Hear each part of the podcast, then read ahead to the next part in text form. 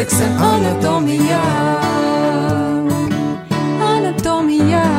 Seks un tā anatomija šodien pasaulē visvairāk apspriestā un baznīcā daudziem mītiem apvītā tēma. Par to raidījumā Seksa anatomijā. Anatomijā. kopā ar mani Annu piekdienās, pulkstens astoņos vakarā Anatomijā. tiekamies. Sveicināti, rādījumā arī klausītāji! Piektdienas vakarā ar jums atkal raidījums Seksa anatomija un, protams, kā vienmēr šajā raidījumā es Anna. Ļoti svarīga tēma, svarīga tēma ne tikai mūsdienās, eh, vispār pasaulē, bet arī baznīcā, un eh, man ir, kā vienmēr, es gribu sākt ar pateicību klausītājiem par to, ka jūs piedalāties šajā diskusijā, uzdodat eh, jautājumus, esat dialogā, un mēs zinām, uz ko atbildēt, kā ar jums runāt, kuras tēmas izvēlēties. Šajā raidījumā mēs runājam par diezgan daudz un dažādām lietām. Viena no tām ir ārkārtīgi svarīga, un tā ir miesas teoloģija termins, ko izveidoja Jānis Pāvils II savās katehēzēs. Un, manuprāt, arī šī tēma par seksu un seksualitāti būtu jābalsta tieši uz šī darba miesas teoloģiju, kur tie pamat, pamat ir ielikti. Jau vairāk raidījumi par to ir bijuši, un es ceru, ka arhīvā tos var atrast un noklausīties. Bet bet uh, gribam turpināt to visu, un tādēļ mums studijā šodien ir uh, viesis Dainis Tikuts. Sveiks, Daini! Labdien! Daina aicināja tādēļ, ka šobrīd viņš ir veids tādu uzrakstījis ļoti nopietnu darbu, par ko viņš izstāstīs arī mums nedaudz vēlāk, bet varbūt Daina tiem, kas varbūt tevi vēl nepazīst katoja baznīcā, kas, es domāju, gandrīz nav iespējams, ja? nedaudz pastāst par sevi. Tā, nu, esmu diakons Katoliskajā baznīcā, te Latvijā. Mani ordinēja 18. jūnijā pagājušajā gadā. Uh, un nu, ar to es varu teikt, arī īpaši izceļos uh, baznīcā pagaidām, uh, kamēr esmu vienīgais diakons. Um, vienīgais uh, vienīgais diakons, tā es saprotu. Vienīgais diakons, kurš ir laulāts, jā. jā. Uh, uh, nu, tas uzliek man gan papildus pienākumus, papildus atbildību, bet uh, tas, ko es ar to esmu saņēmis un, un uh, ļoti novērtēju, ir proti tā uh, baznīcas uzticība un baznīcas misija tieši manam kalpojumam, tieši baznīcā. Un pamatā tā, man, mans kalpojums ir saistīts ar, ar laulātiem pāriem, ar laulību. Mm -hmm. Uh, jau vairākus gadus kopā ar Sionu tātad, sagatavojam laulībām pārus, uh, vadam arī dažādus, un esam vadījuši ļoti ilgstoši dažādus tieši laulāto attiecību veicināšanas kursus, rekolekcijas, kuru tātad mērķis ir tieši laulāto saišu veidošana. Un kā dabisks tāds uh, attīstības, nu, teiksim, tā, tāda interešu lokus mums arī skāra arī laulāto seksualitāti, tieši tuvības jautājums. Un tie ir ļoti svarīgi un aktuāli vienmēr ir bijuši, jo galu galā laulība bez laulāto tuvības praktiski nevar pastāvēt. Tas ir viens no, kā teikt, laulāto attiecību un vienotības sturakmeņiem. Tam. Nu, es tieši gribēju teikt, ka faktiski tavs amats uz doto brīdi uzliek tev tādus zināmus pienākumus to cilvēku vidū, kas, kas ir draudzē, kas ir tajā kopienā, kur jūs esat, ja, un, un, un kaut kādā mērā jau viņi gaida no tevis tāda eksperta viedokli šajā jautājumā. Es nu. zinu, ka tu esi sācis runāt par seksu un seksualitāti publiski, lasīt lekcijas jau diezgan pasen, ja, kaut kādus gadus desmit atpakaļ, kurā brīdī tu vispār aizdomājies par to, ka šī tēma uh, būtu jāceļ baznīcā, par to būtu jārunā, un uh, īpaši uh, varbūt um, kaut kā jāpievērš tam uzmanību, jāattīsta.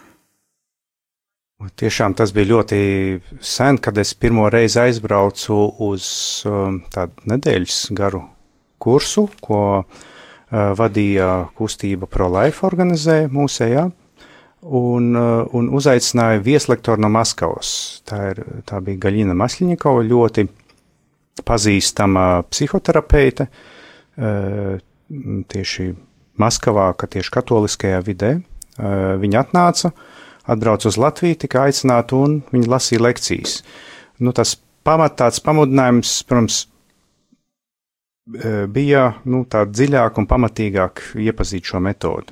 Un liels man bija pārsteigums tieši tajā. Nu, dabīgās ģimenes plānošanas Jā, metode, kas balstās īstenībā it kā uz tādu uh, grūtniecības atlikšanu vai grūtniecības plānošanu, jā, kas jā. nu nekādā veidā nav atraut no seksu un seksualitātes, vai ne? Jā, jā, uh, jo galu galā nu, mēs esam aicināti izmantot, nu kā, kā kā kristieši saprātīgi izmantot visus līdzekļus, ko mums nu, ir normālais veselais saprāts atļauj. To, ko mēs varam izpētīt, izzināt, un to tad ar pilnu apziņu, ar pilnu saprašanu mēs viņu izmantojam. Un tā ir mūsu atbildība, kā mēs tos līdzekļus, var teikt, ko Dievs ir devis mūsu rokās, izmantojam. Un tad, atgriežoties pie tā, pie tā kursa, tad man bija liels pārsteigums, kad tā vietā, lai mācītu tīri tehniski, kā novērot sievietes auglību, kā tur vīrietis ar sievieti kopā nu, veido to uh, nu, savstarpēju, savstarpēju auglīgumu, jā, kā, kā izprast, kurš ir tas, au, tas posms uh, laulāto dzīvē, kad viņi var ieņemt bērniņu, kad nevar ieņemt. Tad tieši tā tehniskā, var teikt, teorētiskā daļa, praktiskā daļa bija pats ma mazums tajā kursā, bet lielākā daļa un uzsvars tika veikts uz, uz laulātu attiecībām, uz to skaistumu, kas ir sieviete, viņas noslēpums, uz to arī, uh, arī vīrieša uh, aicinājumu tieši ģimenes dzīvē, viņa lomu, vietu. Un tas man pārsteidza ar to lielo skaistumu, to lielo noslēpumu, tieši kā viņi to pasniedza, kā nu, man tas ļoti uzrunāja. Un uh, man likās, ka tieši tāpēc no tā, no tā viedokļa iziet nevis ja tikai māca to tīri medicīnisko mm -hmm. uh, pusi, kā viss notiek, uh, kādi fizioloģiskie procesi mūsos notiek, bet tieši to, uh, kā teikt, garīgo pamatojumu, kāpēc mēs tā dzīvojam, kā laulātie, kāpēc mēs izvēlamies šādu dzīves ceļu, kāpēc mums ir svarīgi uh, Eh, kaut kādos brīžos tieši būt atvērtiem uz bērnu, mm. un kādu brīdi mums ir objektīvi iemesli eh, viņu atlikt bērnu ieņemšanu. Un tie bija ļoti svarīgi uh, momenti, kas man tā aizķēra, un tas, un tas mainīja manu priekšstatu par to, kā skatīties vispār uz auglības atpazīšanas metodēm, kā ar viņām sadzīvot, ja, un kur neiekrist tā teikt tajā mentālajā kontracepcijas slazdā, kas ir. Nu, tāda Ka, īstenībā tāds atklāsmes. Tā kā, tā kā jā, un, un, un, kopš, un ņemot vērā, ka vēl tajā laikā arī darbojos, vadīju rekolekcijas laulātiem pāriem, nu, sarunās ar viņiem, nu, sarunās ar citiem uh, rekolekciju vadītājiem, mēs nu, sapratām, ka tas ir tāds, tāda joma, vismaz pie mums Latvijā, mm -hmm. katoliskajā baznīcā, kur īpaši tā publiski nerunā, tur nu, pro-laivs zinām mērā tāds bija tāds celmlauzis. Šeit pārējo, nu, diemžēl, nu, vecāki mums ar to nerunāja. E, īsti baznīcā no, no, no altāra arī par šīm tēmām īsti nav attiecīgi runāt, nu, vismaz ņemot vērā liturģisko gadu, varbūt kādu reizi var to darīt. Nu, nu, tas tad, ir attiecīgi, ja jā, priesters ir uh, informēts. Tad, jā, protams, viņam arī jābūt ļoti informētam, jā, izglītotam. Jā, jā. Atliek vienīgi tad speciālie tādi pasākumi, rekolekcijas, kur ir attiecīgi par šo tēmu runāt un par kur ir jārunā. Un, un, un, ko mēs sākām arī darīt, proti integrēt um, šīs zināšanas, tieši to motivējošo zināšanu, kāpēc ir laulātam pārim ir jāinteresējas par, par savu fizioloģiju, kā, tad, kā, viņi, kā viņi strādā, kā viņi darbojas, un um, kā viņiem rīkoties kādā dzīves situācijā. Jā, tad iepazīt sevi, ko viņi jūt, jā, ka, ka viņi nav tādi haotiski, haotiskas personas, kas, kas seko pilnīgi tikai instinktiem. Ja? Mm -hmm. uh, nu, tātad, ko viņi jūt, kāpēc viņi dara, kāpēc kāpēc ir svarīgi būt atvērtiem uz dzīvību, jā, kāpēc tā ir mūsu kā laulāto misiju, radi, kā misija radīt jaunu dzīvību. Nu, tas iet, iet kopā ar tieši ar laulāto misiju, un tad mēs viņu integrējām pamazām eh, tādu kā ievadu lekciju, proti kā iepazīšanu, nu, kas tas ir pāriem, kas gatavojas laulībā. Un tas ļoti svarīgi informācija viņiem zināt. Pirmkārt, tas pastāsta katoliskās baznīcas nostāju, mm -hmm. uh, un otrkārt, parāda, ka tas ir ļoti brīnišķīgi izzināt, iepazīt sevi un dzīvot. Saskaņā. Saskaņā ar sevi priecāties, var teikt tā, integrēt. Mm -hmm. Un tad, jā, nu tad tādus ievadus lasījām, sapratām, ka cilvēkiem, nu, kas gatavojas laulībām, ne visiem tā ir tukša, kā teikt, runāšana.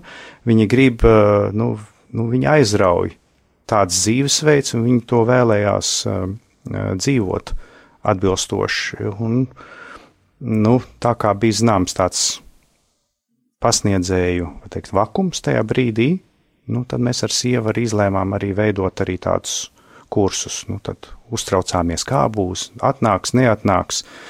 Um, Nu, bija jau labi, bija jau labi, tā, izdevās. Un tad, tad gan sākotnē... jums, gan mums visiem mums šis projekts jā, gan izdevās. Jā. Un tas bija liels pārsteigums, ka cilvēki interesējas, un pat, mm. pat man vēl lielākais pārsteigums bija, ka lielākā interese bija pat nevis no katoļiem. Bet, nu, jā, jā, e, es arī kā e, šī e, kursa viens no pasniedzējiem un pirmsācējiem kopā mēs ar Dainu un Baibu to veidojām. Arī īsnībā līdz šim brīdim ir desmit gadi pagājuši un līdz šim brīdim es esmu pārsteigta par to, cik ļoti liela interese ir no nekatoļu puses un pat no neticīgo cilvēku jā. puses, jo viņiem tas atklāja jaunu pasauli un, un brīžiem liekas, ka, nu, ka mēs katoļi sēžam un gaidam, ka mūs viss nokritīs. Mēs tā drusciņi tādā, nu, nu, no debesīm, ja, mēs drusciņ tādā pašapmierinātās, tā mums tas viss ir, ja, nu, mēs to eh, ļoti labi zinām.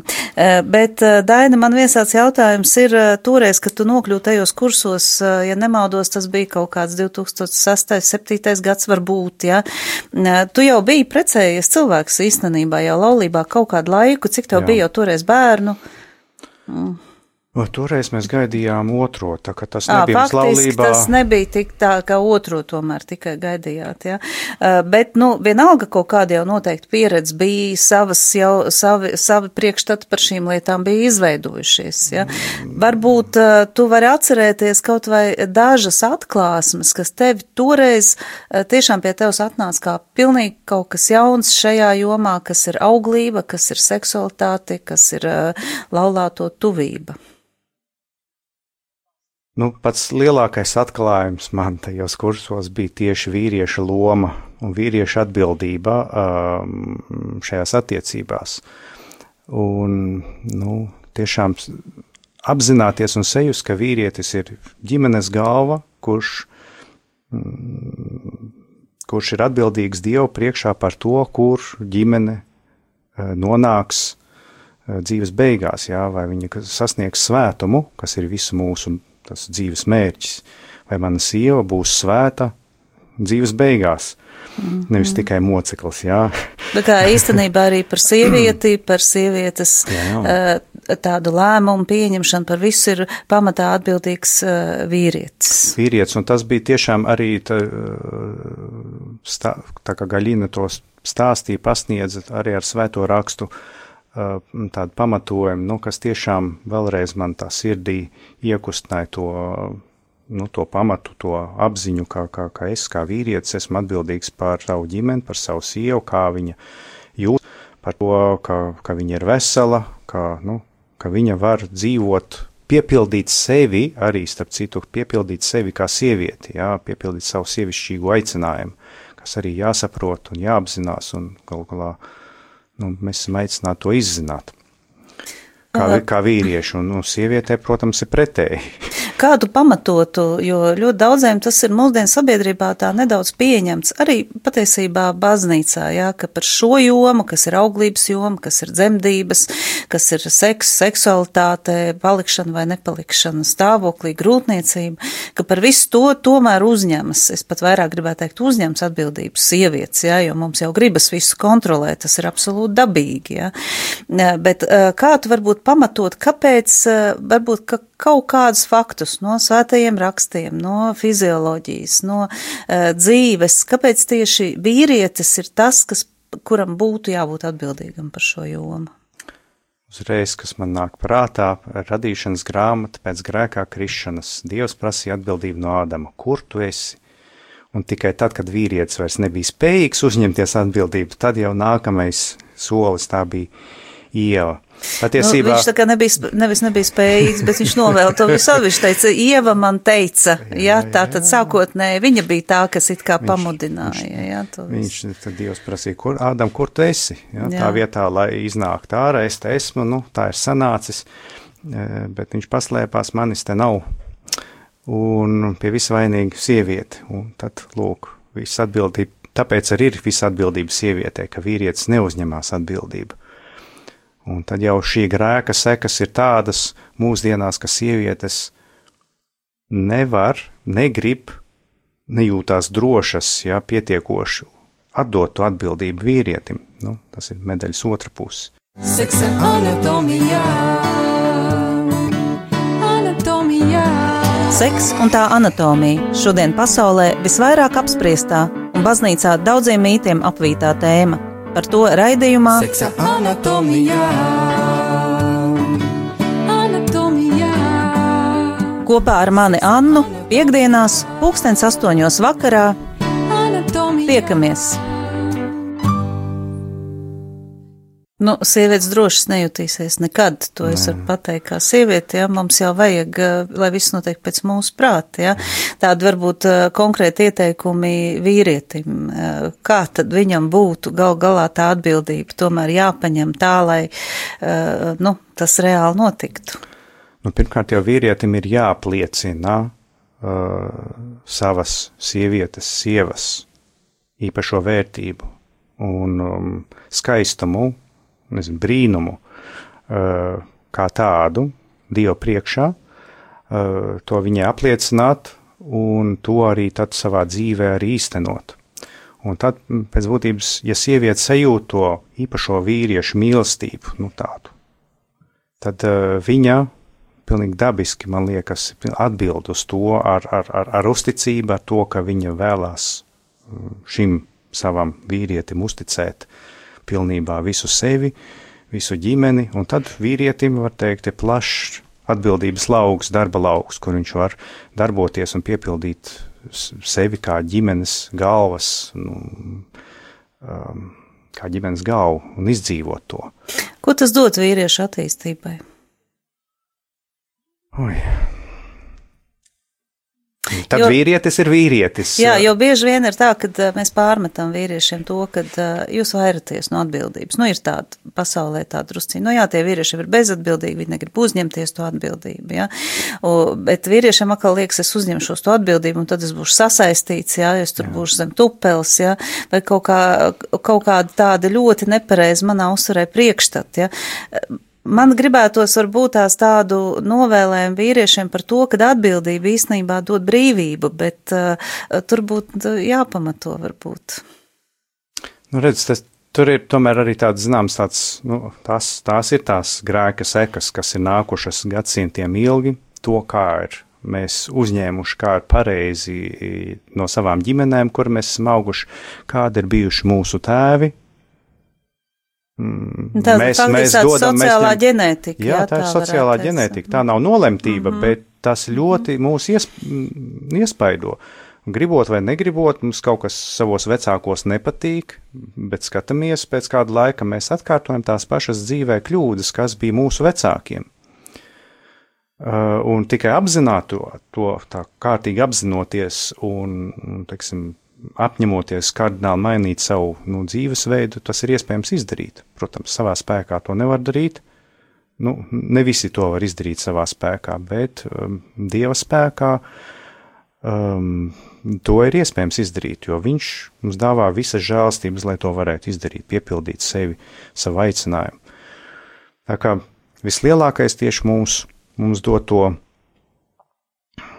teikt, to nepareizo priekšstatu par to, kāda ir ģimenes dzīve, tā ir mūsu pašu vecāki. Nu, Un droši tagad- vien arī mūsdienu tas informācijas Jā. daudzums, kas ir. Un jā. tagad arī vēl nāk un spiež eh, tas, tiksim, uz to saprašanu, kas ir vīrietis, kas ir sieviete, tā informācijas telpa.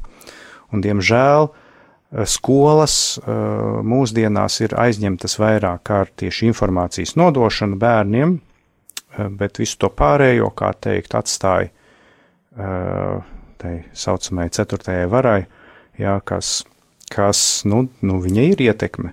Nu jā, no informācijas nodošana tas jau šodien vairs nav tā kā nepieciešams, jo mm. informācija nāk virsū kā tāds liels melns mākonis. Jā. Un, un problēma ir tā, ka teiksim, tad bērns, kad aug, kad saskarās ar to informāciju, viņam nav autoritātes. Ja šobrīd audzina arī bērnus, it kā vispār autoritātes mums nebūtu.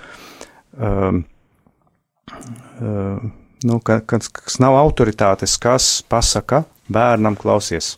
Nu, šitas ir pilnīgi nepareizi, pilnīgi garām, un kā ar šo nekur dzīvē tālāk neiesabojās savu un citu cilvēku dzīves. Eh, Kas būtu tā tieši vecāka atbildība? Bet ņemot vērā, ka vecāki ir ļoti aizņemti ar, ar, teiksim, ar maizes pelnīšanu, algas, eh, iespējams, ar vīra algu eh, izdzīvot lielai ģimenei tikai nu, nav iespējams. Tā ir nu, liela laime, ja vīrs pietiekoši pelna, viņš var nodrošināt visas ģimenes uh, iztiku. Tad sieva arī ir spiesta strādāt. Jā, pat, pat nedomāju, ka tas viņai kaut kāds īpašs aicinājums strādāt, bet viņi vienkārši fiziski spiest mm -hmm. to darīt. Un tad nu, bērni paliek pašplūsmā. Viņus vecāki tikai redz no rīta aizvedot uz skolu bērnu dārzu, un vakarā viņus noliekot gulēt. Un tā ir visa Nu, audzināšana. Iespējams jau, ka tas ir prioritāšu jautājums mūsdienās, jo es zinu arī, kad jūs ar baibu ap divu strādājat faktiski, jā, bet tajā pašā laikā uh, ir arī jūs ģimenē tāda lieta kā mājapmācības. Nu, to es gribētu tā kā um, drusku citā raidījumā varbūt pacelt. Um, Tad, kad jūs nākat kopā un jūs runājat par savas ģimenes pieredzi un bērnu audzināšanu, Eh, tu minēji tādu lietu kā kontraceptīvā mentalitāte. Mhm. Varbūt tu paskaidrot, kas tas ir no tādas seksualitātes viedokļa, eh, kā tas, eh, kā tas atšķiras no, no dzīvības mentalitātes un kā tas iespaido eh, laulāto pāru seksuālo tuvību un dzīvi. Nu, primāri kontracepcijas uh, mentalitāte, uzstādījums ir viens, proti, ka bērns ir nevēlams. Tā ir tas uzstādījums. Ja viņš ir nevēlams, tas nozīmē, ka viņš ir uh, slikts, uh, nezinu, kaut kāds ļaunums ar to saistīts. Uh, un tā ir pilnīgi tāda nepareizs pir- pirmais uzstādījums, ja, ka bērns ir ļaunums, no kura mums ir vajag iz, izvairīties, ja slimība, ja, tad mēs lietojam zāles, lai to slimību ārstētu. Nu, kontracepcijā attiecīgi ir tablets, kuras ļauj ārstēt bērnus.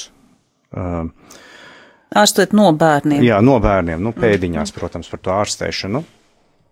Uh, un uh, tad uh, dzīvojot saskaņā ar auglības ritmiem, tas ir pilnīgi savādāk. Ka, ka, ka laulātie pirmkārt jau viņu uzstādījums ir tas, ka bērns nav ļaunums. Tātad, no, dzīvojot saskaņā ar sievietes faktiski auglības ritmiem, Jā. tā varētu teikt, Ka jā, jo vīrietis jau visu laiku ir auglīgs, jā. Kā, kā sieviete un vīrietis paši arī tātad viņu darbības nekādu ļaunumu neizraisa. Tieši otrādi, jā, ka tas vairo labumu. Uh, tad ir tā, tā atbildība, proti, ka viņiem kā liekas, ka nu, kaut kāda iemesla dēļ, objektīvi, tiešām objektīvi iemesla dēļ, un to ļoti grūti tā tagad parādījot to pastāstīt, ko nozīmē mm -hmm. pilnība objektīvi. Uh, Nu, varbūt kāds iespējams- piemērs. Nu, piemēram, uh, piemēram, laiks pēc dzemdībām. Mm -hmm. Tas ir tāds. Mhm. Tātad, lai skaidri- nebūtu kaitējumi faktiski gan fizioloģiski, gan emocionāli, ne tikai ģimenē un mātei, bet arī, arī vēl tam bērnam, kam Topošajam tā, bērnam. tālāk ir jānāk. Ir, jā. Svarīgi arī leksika, tas ir topošais bērns. Par to mēs arī varam nedaudz parunāt patiesībā. To, lai nebūtu nekāda nu, grūtības nec mātei, nec topošajam bērnam, nec visiem jau esošajiem bērniem uh, dzīvot mm. no tā. Uh, tad, ir, tad var būt tas objektīvais iemesls, kādu laulātiem vajadzētu atlikt bērnu ieņemšanu. Ja? Viņi tātad viņu Uh, Otrkārt, Viņi... Vienkārši, lai klausītāji saprot mūsu diskusiju par šiem te leksikas jautājumiem, jā, topošais bērns, jā, tātad topošais bērns, mm. mīļie radio klausītāji, ir tas, kas vēl nav ieņemts, un nevis tas, kas vēl nav piedzims, jā. topošais ir bērns. Es, man patīk Brian Adams uh, dziesmā vienā. Topošais ir bērns, ir tas, kuru vīrs redz savas sievas acīs. Un tas ir Ļoti topošais skaisti, bērns. Jā, ļoti skaisti. Faktiski pat ne tikai savas sievas, bet tās sievietes acīs, ko es vēlos par sievu, jā, Jā. jā ar kuru man vēl varbūt nemaz nav bijušas vispār seksuāls attiecības, jā. Mēs varam runāt patiesībā pat tādos terminos. Un tad jau, kad ir bērns ir ieņemts tīri fizioloģiski, kad uh, sievietes un vīriešu dzimumšūnas apvienojas, tad jau ir bērns, un tad viņam ir visas iespējas, uh, visas raksturīpašības, kas viņam ir, jā, teiksim, tas ģenētiskais kods, ko, kas ir mums tagad ir mūsu šūnās, jau bija tajā pirmajā šūnā. Uh, Tas ir, tas ir topošais bērns. Līdz ar to runāt par topošajām māmiņām arī mēs varam tikai tā, tādos terminos. Tajā brīdī, kamēr sieviete vēl nav ieņēmusi bērnu, viņa ir topošā māmiņa, un tādu viņa jāuzskata kā topošo māmiņu. Tad jau, kad viņa nes bērnu zem savas sirds, tad jau viņa ir māmiņa, un tēvs ir attiecīgi jau arī tēvs. Jā, viņam ir tēvs, nav tāds mistisks vīrietis. Topošais, top, Topošais. top, drusciņi mulsina tie uzraksti, nu labi, to mēs varam pieņemt, ka sabiedrībā tā ļoti kautrīgi, izvairīgi runā par, nu, liekas tādām nērtām tēmām, bet patiesībā tās ir ļoti skaistas tēmas, kā bērna ieņemšana, radīšana, audzināšana, dzīvošana ģimenē. Nu, nērts tēmas parasti ir tās, par kurām nav skaidrības, ja, Jā. kas tā kā peld, par kurām ir ļoti dažādas informācijas, par ko cilvēki negrib domāt, ja, piemēram, ja, es domāju, tās varētu būt nērts tēmas, ja. Nu, tāpēc arī par viņām grūti runāt. Bet, ja mēs run, pirmkārt apzināmies, uh, ka tā dieva radība, ka visas dieva radītājs ir skaists un labs, ka par viņu var runāt, ka par viņu ir iespējams pienācīgi runāt, ka par viņu iespējams iz, izvēlēties adekvātus vārdus. Mums viss, var teikt, vārdi ir, un mēs, kad runājam, un tad pirmkārt parādām cieņu, ja mēs sakam, ka māmiņa, kas nes bērnu zem savas sirds, ir jau māmiņa, viņa ir svētīta, tādos terminos nekādas nērtības nav. Kad mēs runājam, nu tā kā kautrīgi topošais, nu tā nezinām, kā īsti pateikt to, tad Nu, tad rodās eh, grūtības. Nu, jā, tas attaisno ļoti daudz lietas, it kā, jā, mūsdienu sabiedrībā, jā, bet jā. tas, vai tas rada pozitīvi, Nu, nu, lūk. tā kā cilvēkam kaut ko. Tāpēc, tāpēc tā kontraceptīvā mentalitāte arī nozīmē to, ka pirmkārt jau pasaka, jau, jau definē, bērns ir ļaunums, auglība sievietei nevar īsti saprast, kaut kad ir labi un kaut kad īsti nav labi. Tātad tur ir jau veidojas sajukums. Sajukums eh, terminos, sajukums saprašanā, kāda ir lieta kārtība, nu, kāda ir patiesība. Un tur, kur vairs nav patiesības, tur, tur rodās arī īsti eh, tā kontraceptīvā mentalitāte. Seksa anatomijā. Anatomijā. Seks un tā anatomija šodien pasaulē visvairāk apspriestā un baznīcā daudziem mītiem apvītā tēma. Par to raidījumā Seksa. Anatomijā. Kopā ar mani Annu piekdienās pulkstens astoņos vakarā tiekamies. Kādas ir sekas tieši varbūt tādā raidījuma kontekstā tieši uz cilvēku seksualitāti, uz seksuālām attiecībām, šai te kontraceptīvai mentalitātei? Jo tas ir ļoti svarīgi, jo cilvēki izmanto kontracepciju tādēļ, lai brīvi uh, baudītu seksuālo dzīvi. Nu, tāds ir lozungs, ja it kā. Mm. Uh, tad kādas ir tomēr tam visam, kādas mūsdienās ir sekas? Nu, pirmais jau sekas ir bailes. Tas ir tas nāk līdzi eh, visiem, eh, teikt, kur nav patiesība, nāk līdzi bailes, tāpēc, ka tā ir nenoteiktība, jā, liela nenoteiktība par to, kas notiek. Tā ir tieši, tieši sasaista to brīvību, jo tajā brīdī cilvēks nekontrolē, kas ar viņu notiek un um, kādas varbūt sekas ieņems, neieņems, kurā brīdī, kad, kāpēc.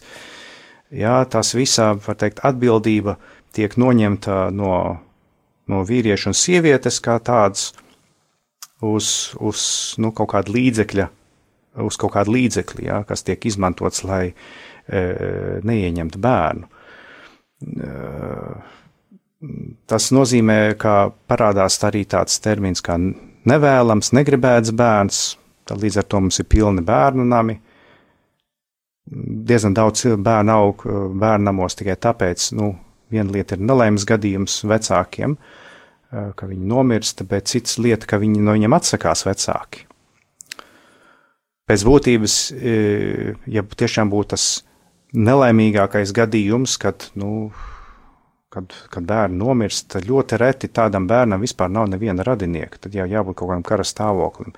Bet reāli viņam ir kāds radinieks, onkulis, tante, nezinu, vecā māma galu galā, kas var to bērnu paņemt tādā gadījumā un arī dzīvot ar viņu kopā.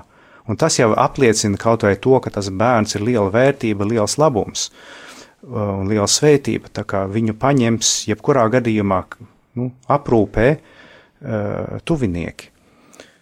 Um, nu, un vēl kontraceptīvā domāšana ir tā, ka nu, pirmkārt mazina, uh, mazina tieši laulāto Dievu, uh, skaitu, laulību skaitu kā tādu. Nu, Un pats paradoxālākais pavisam atbrīvoja vīrieti no atbildības.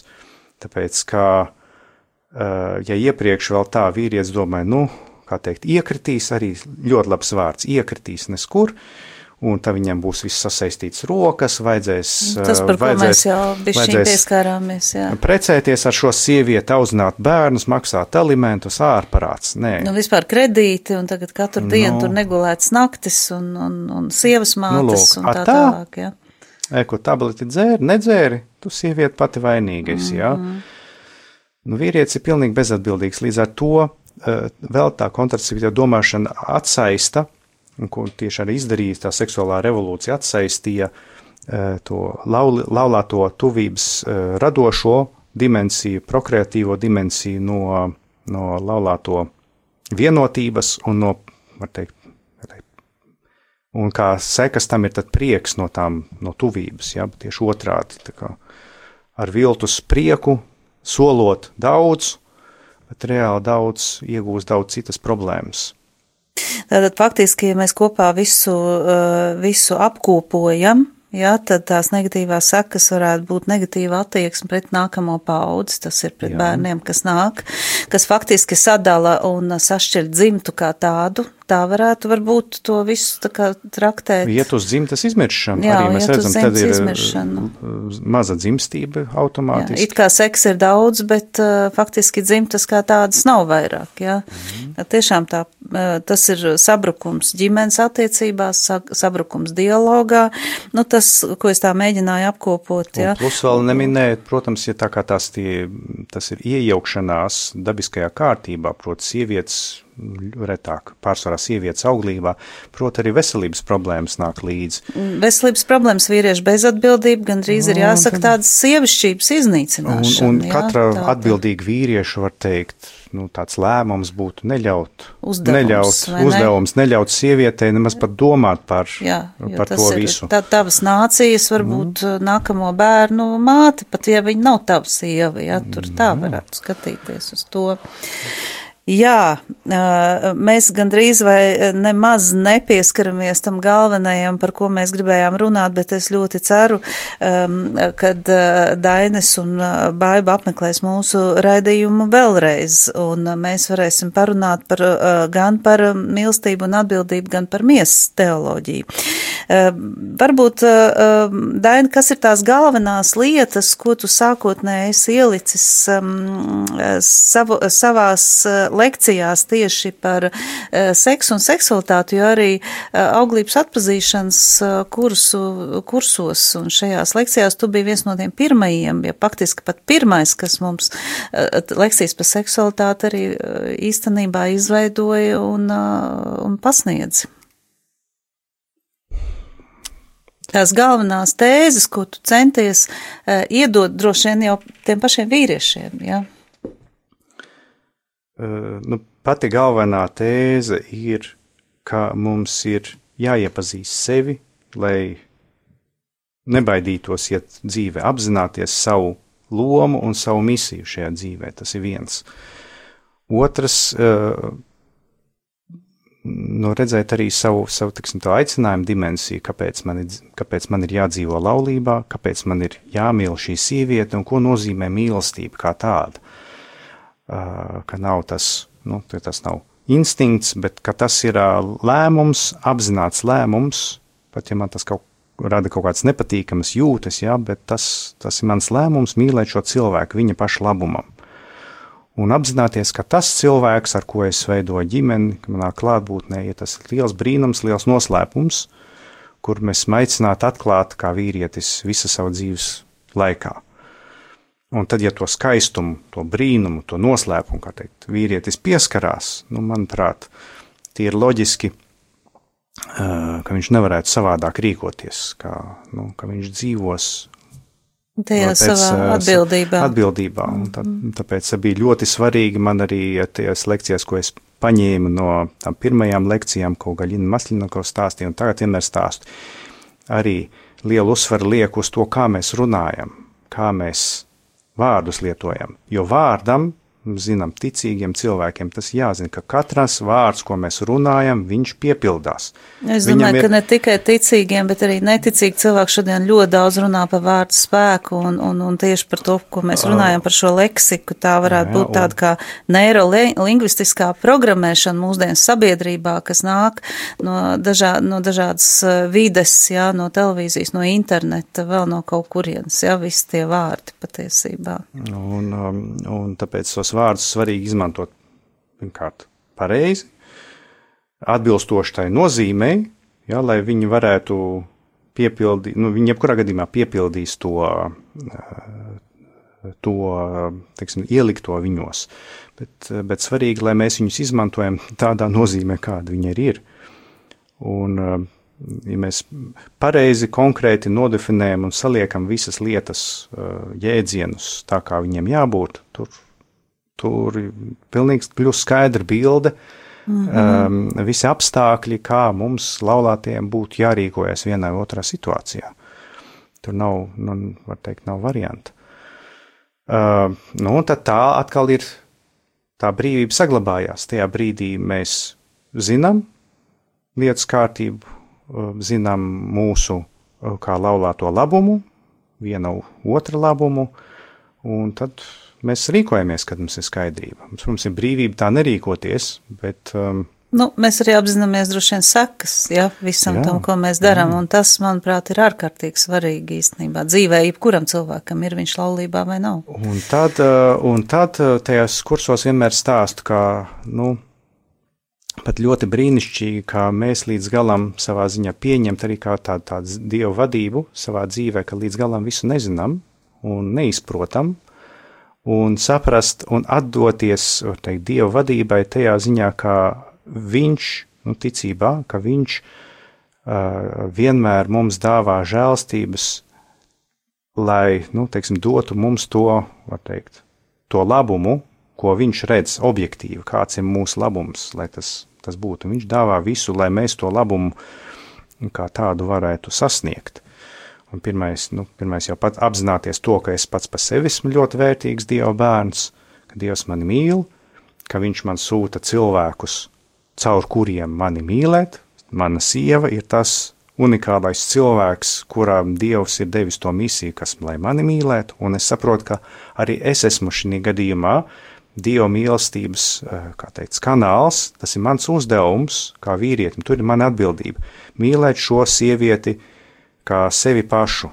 Jā, tātad, lai, lai, lai manī mana sieva sajustu tieši Dieva mīlestību. Ja es to nedaru, tad, tad es neesmu uzdevuma augstumos. Ja viņi to sajūt, tad, tad ļoti labi. Nu, tam droši vien ir arī atgriezniskā saite, jā, ja vīrietis dod sievietei to, eh, ko viņš var iedot, tad droši vien, ka sieviete arī eh, atstaro eh, īsnībā to pretīm. Tā varētu laikam teikt. Nu, tā ir. Viņa ir īpaša misija, sieviete īpaša harizma un spēja, var teikt, to mīlestību, ko dāvā vīrs, izlaist caur sevi un atdot atpakaļ citādāku, var teikt, daudz labāku, pilnīgāku savā ziņā, kā, nu, nu, tā ir viņa spēja. Tas ir arī dieva harizma, dieva žēlstība viņai dota, kā arī viņa tādējādi, ka es nu, spēju to mīlestību, ko saņem no vīra, arī atdot atpakaļ.